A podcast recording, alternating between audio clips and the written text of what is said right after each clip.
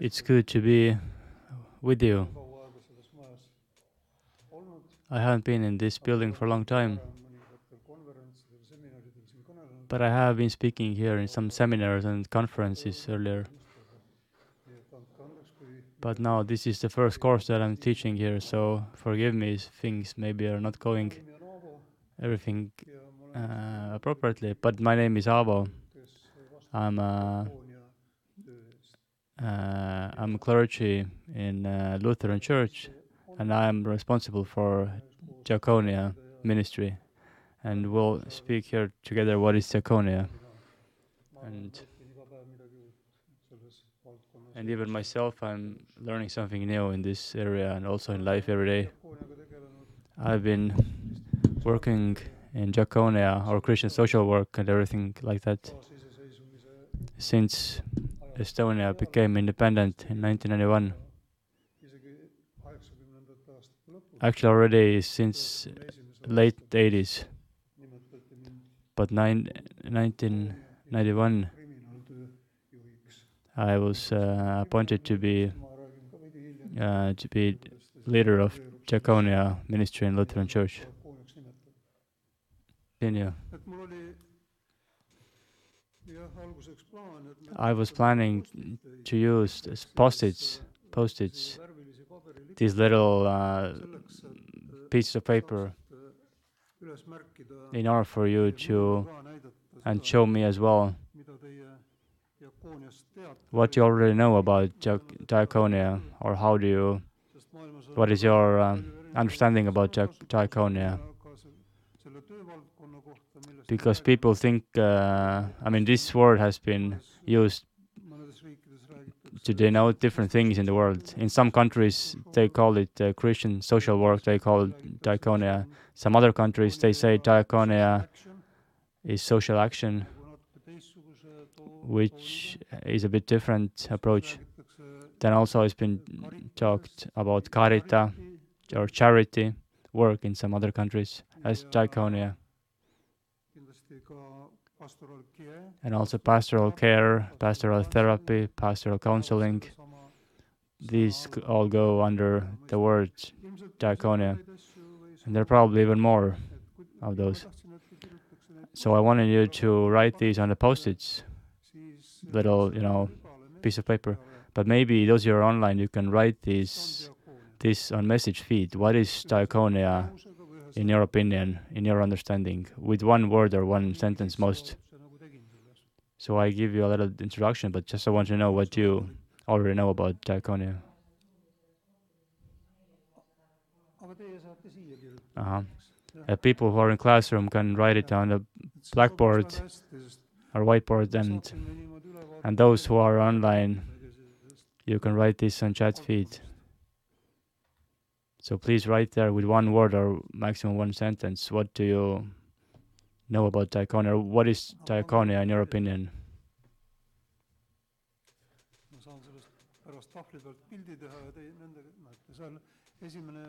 One person already reacted.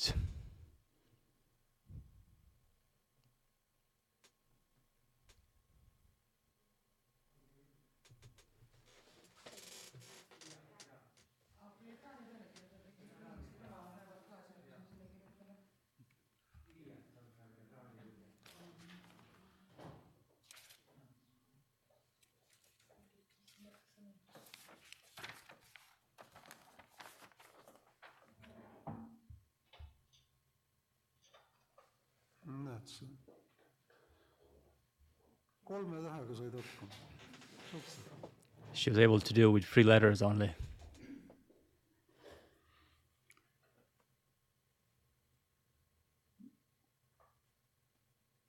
ja seal on kirjutatud church worker or pastor goes to see someone at his, his house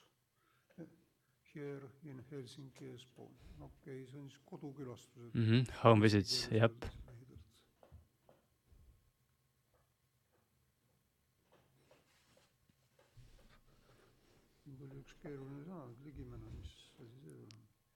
Uh, Kadri writes uh, serving your neighbor, serving your neighbor, serving a neighbor. jah, shown showing God's love in holistic way. ehk Jumala armastuse Mm-hmm. näitamine terviklikkuses. Mm-hmm. Good.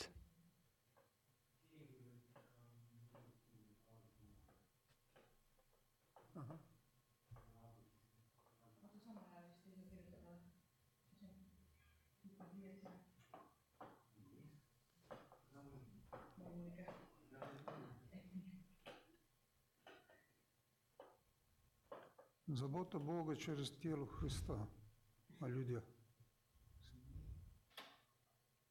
täname, Thank you. keegi tahab veel oma Somebody else wants to express their opinion or understanding. diakoonia tähendab teenimistööd, ütleb Ain wrote that uh, diaconia means service ministry.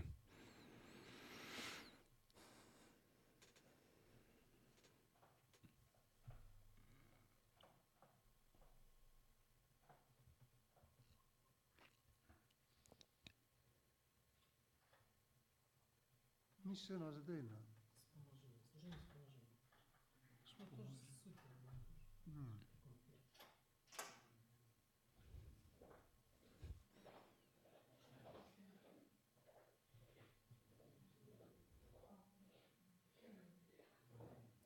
Võidmine vist. võidmises jah. teenimine võidmises. Ah, service in anointing, he wrote.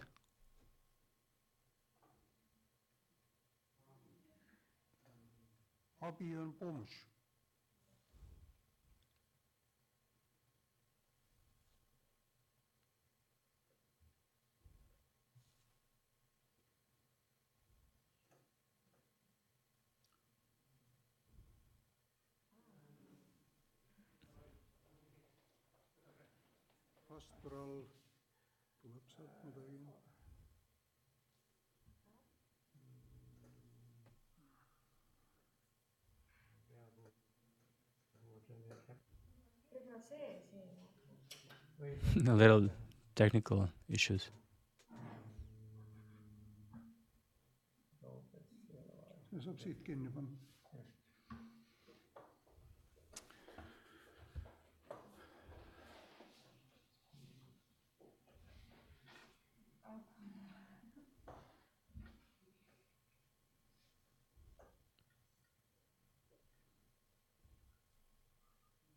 ma saan pärast need välja ka printida endale.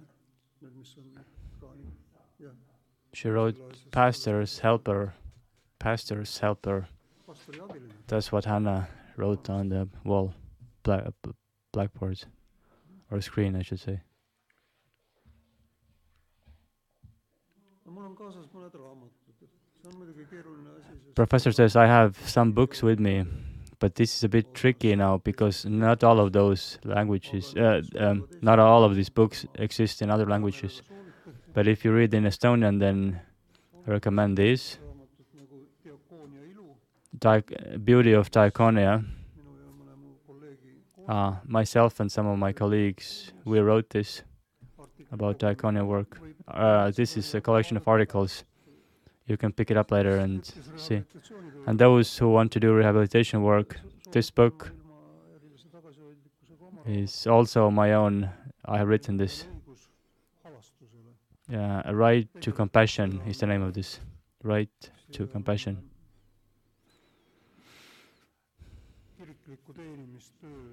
So this is a history about um, service in, service work in church in Estonia in 90s. But also it talks about also right, um, rights in the Bible and others. But this is uh, directed to rehabilitation. Now this book here, maybe we'll talk uh, the third time when we meet. This um, art of living together is the name of this art of living together.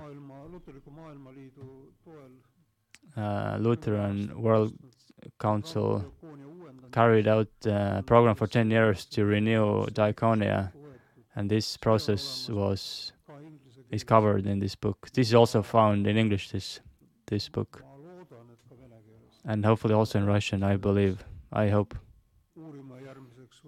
But time after next time, our third meeting, we'll talk about this, and I'll I'll check it out by then.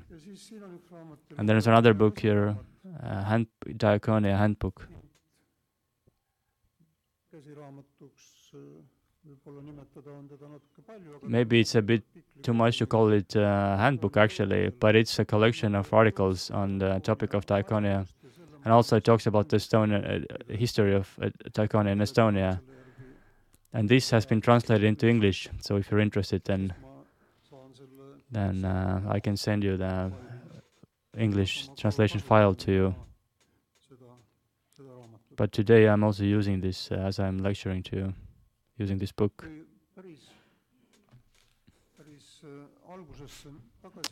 If we go back to the very beginning, then we have to actually go to the Old Testament and to the creation story.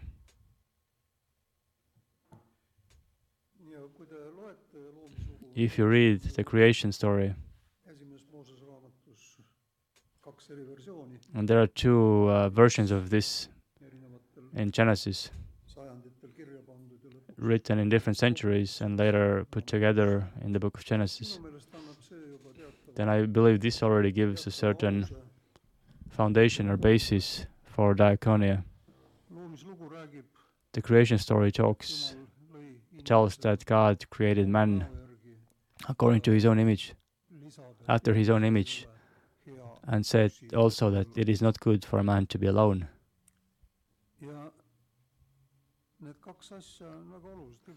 And these are very two imp- important things. First, God created man after his image. We know that God is three triune God, Father, Son, and Holy Spirit.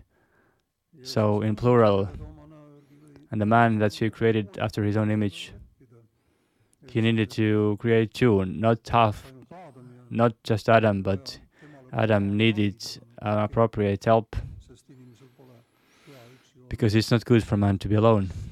So, therefore, God also created Eve in second chapter in Genesis, and there there's a story of a man that is in a relationship with God and with everything that is surrounding them, and he he is also being given um, um, appropriate help, and they need to have good relationship between them, and this relationship is good if there's if also God is involved in the in the, the relationship. So if you want to create this triangle, then you can do this. But God and men, it says that man, as long as he's alone, he cannot be a real full human because he doesn't because he doesn't fulfill some important functions that has been given to man or human. And this is also supported. This uh, this statement is supported by the whole Bible. Man needs help. Man needs helpers, and man realizes himself by being able to help others or by helping others. So, see Vana Testament That's how the Old Testament. I mean, the Old Testament doesn't use the word diaconia literally, but it gives. But still, the Old Testament gives a picture. What is uh, a just society organization?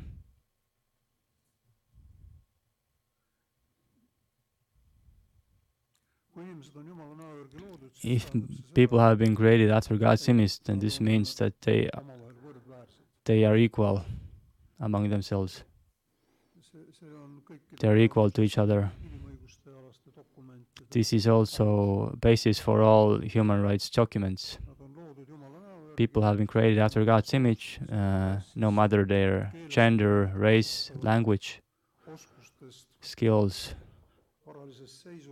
wealth, status.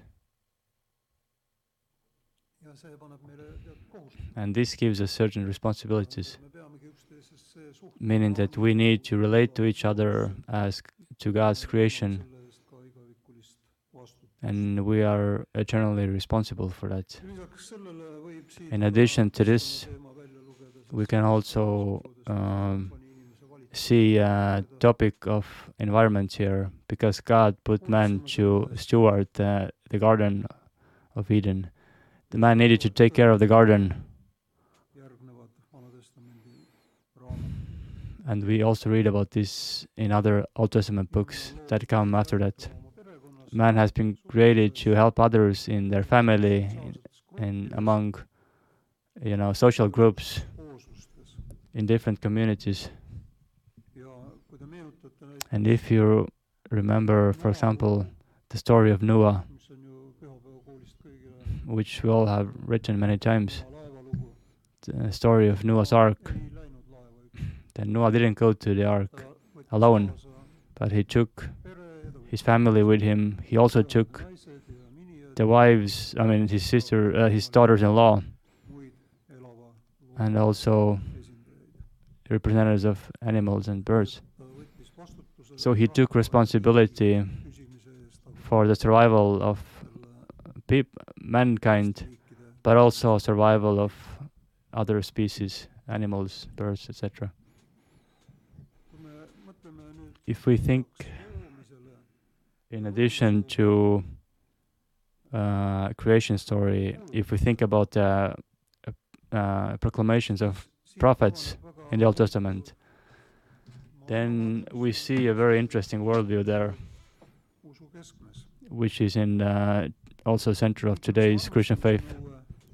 The requirement to love your neighbor, which we have gotten from Jesus, but this is already found in the Old Testament, uh, third book of Moses. This is Numbers or Leviticus, the third book. It says, "Love your neighbor as yourself." But this love is not just a feeling, but this is practical thing, which means taking care of your neighbor. It's not. I mean, in this period, we don't distinguish what is churches or faith communities' task from what is everyone's task, because in that time that these Old Testament books talk talk about ten centuries before Jesus, and even after that time, and later as well. I mean, the whole people of Israel, they were all one church or congregation, and their leaders were both spiritual leaders and political leaders and military leaders. Priestly um, priests came along later, not not not in the beginning. And here the word neighbor, which also is written on the screen, love your neighbor as yourself. Neighbor back then, under this word, they most most of all they th- they saw as other members of their nation as neighbors, but also it has been translated as a friend. A neighbor, you you shall not despise. They couldn't despise their neighbors or talk behind their back or give false testimony about their neighbors, or uh, they could they they were not supposed to harm their neighbors in any way. So these five books, first books uh, uh, in the Old Testament, these are basically collections of law, laws and rules. And the idea of the law is to protect the weaker one from the stronger person's. Uh, and first uh, commands and uh, do's and don'ts were uh, developed. There are more than 600 of them in the Old Testament. And out of these, mm, laws stemmed out of these or developed later. But as Jesus tells us, teaches us, love your neighbor is the summary of all of those. Jesus says that in this law of love, the Old Testament, the whole Old Testament, all the prophets are summed up in this. So the purpose of the law was to develop a good and just um, society, and a good society is where people take care of weaker ones. And uh, it, it mentions there also uh, orphans, widows, slaves, and foreigners and poor. These are all mentioned in the law, in the Old Testament. For example, in Exodus, it says that do not oppress foreigner or do not harm him. 20, 22, 20. You shall not treat bad any widows or orphans. So this is not only this has not only be this um, among Old Testament Israelites, but also with other societies that have needed to uh, organize themselves and to verbalize their rules.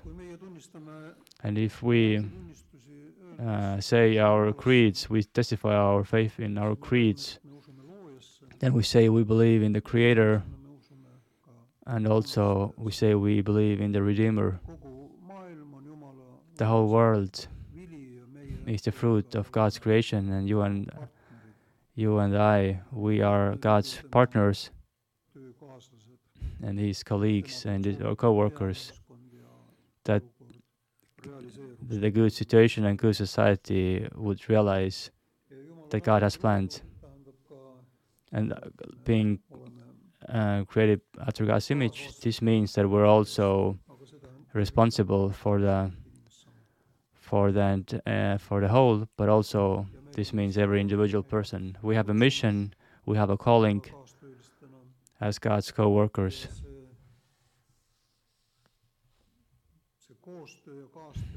And this cooperation needs to work in every situation of life. So therefore, all people should be diaconia workers in this sense. And I know some people think differently, but but that's what I personally think. For some reason, or uh, in some sense, thinking something different can is, diff- uh, is similar to Cain's statement, who said, "Am I the keeper of my brother?" Yes, you are, said God, but Cain chose another way. In the Old Testament, there are some interesting characters, such as prophets. And what do they do? Prophets do political diaconia in the Old Testament, which means that their proclamation is sharply and sometimes even brutally or visually even graphically amplified amplified uh, and social. They don't deal with anybody's individual soul care no they want to change the whole situation of the whole society and the situation where they're in they want to change people's state closer to God's state and closer to that what God created, um, God cre- closer to God's love that He expressed in creation. So the period of prophets is seventh and eighth century before Christ.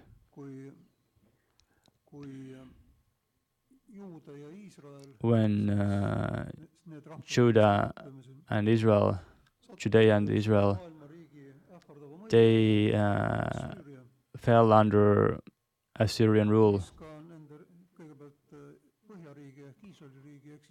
First, they conquered the northern country, Israel, and conquered uh, Samaria, their capital, in 722. And uh, people of Samaria were sent away from their land, sent to exile, and uh, um, Judea still hang in, hang, uh, hang in.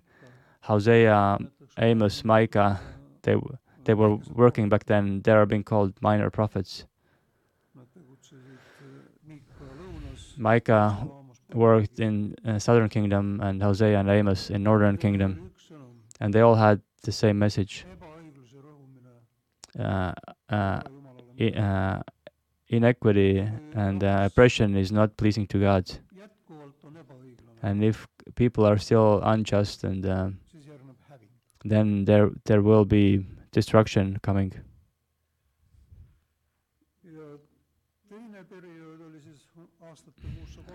And next period was 630 to 570. before the destruction of um, uh, southern kingdom and uh, in the in the first period of their exile and then uh, we have uh, Jeremiah, Ezekiel, Joel, Habak- Habakkuk and some other prophets.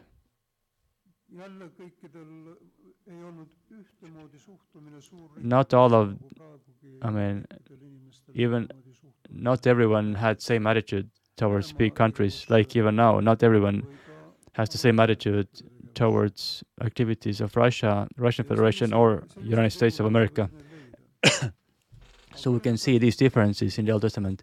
But these prophets were all sure of one thing that God will not leave his people, that he will lead or command the destiny of his people. And the destiny of God's people is not depending on conflict or any pact between the US and uh, Russia or Assyria and Babylon. But this depends ultimately what God has decided, or Yahweh as they called him.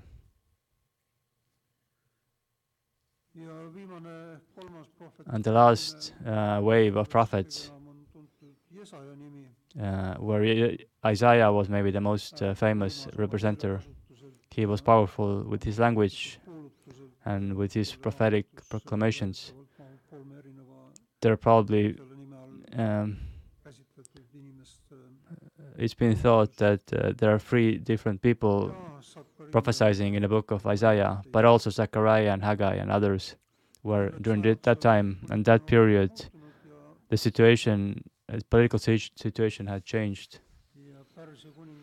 And Persian uh, king Cyrus, Kyria means a ruler, Cyrus, the same that we think about Jesus. And here uh, we can see Cyrus in some sense. I mean, Cyrus had conquered Babylon, where Jews had been exiled to, and Cyrus let them go back home, and then they started with big restoration process. And right now, in light of today's migration here in Europe, it's interesting to imagine. It's even scary how accurately Isaiah talks about about this. Uh, he talks 500 years before Christ. He talks about things that are meaningful to us today, in light of the migration and political and military uh, actions that take place. All this uh, sending people to exile, this was also considered as God's punishment, and as they went back, returned back, prophets think thought this was a sign that Israel Jews had carried their punishment, and now the temple had to be restored, and the land needs to, you know, come back to life.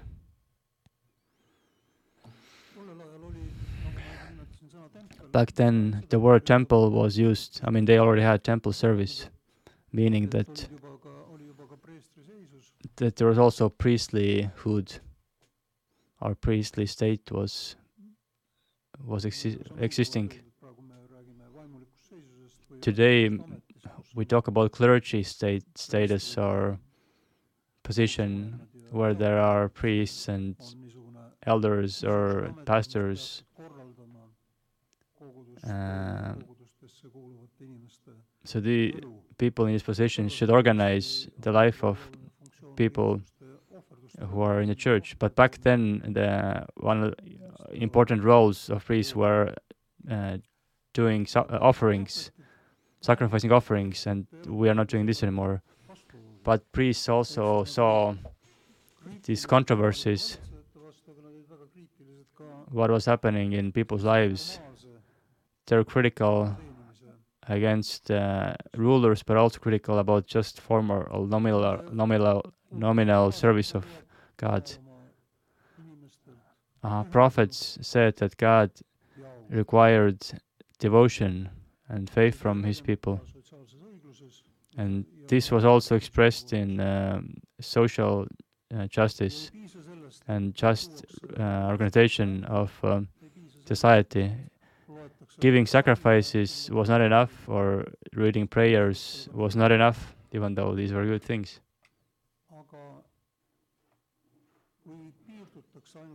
But when people only do literature, uh, in our sense, literature, then this can be just empty activity if you don't live according to God's will. So prophets went as far as they called this temple service even sinning. And they said God is not happy about your sacrifices or off- offerings. God doesn't want to hear your music and your singing. But he wants to see, as Amos says, he wants to see that justice is running like water. So he wanted to see social justice. So in every prophet's proclamation, social justice had a very sharp and important place, and they're also uh, critical about temple service. Mark wants to say that we need to take a break.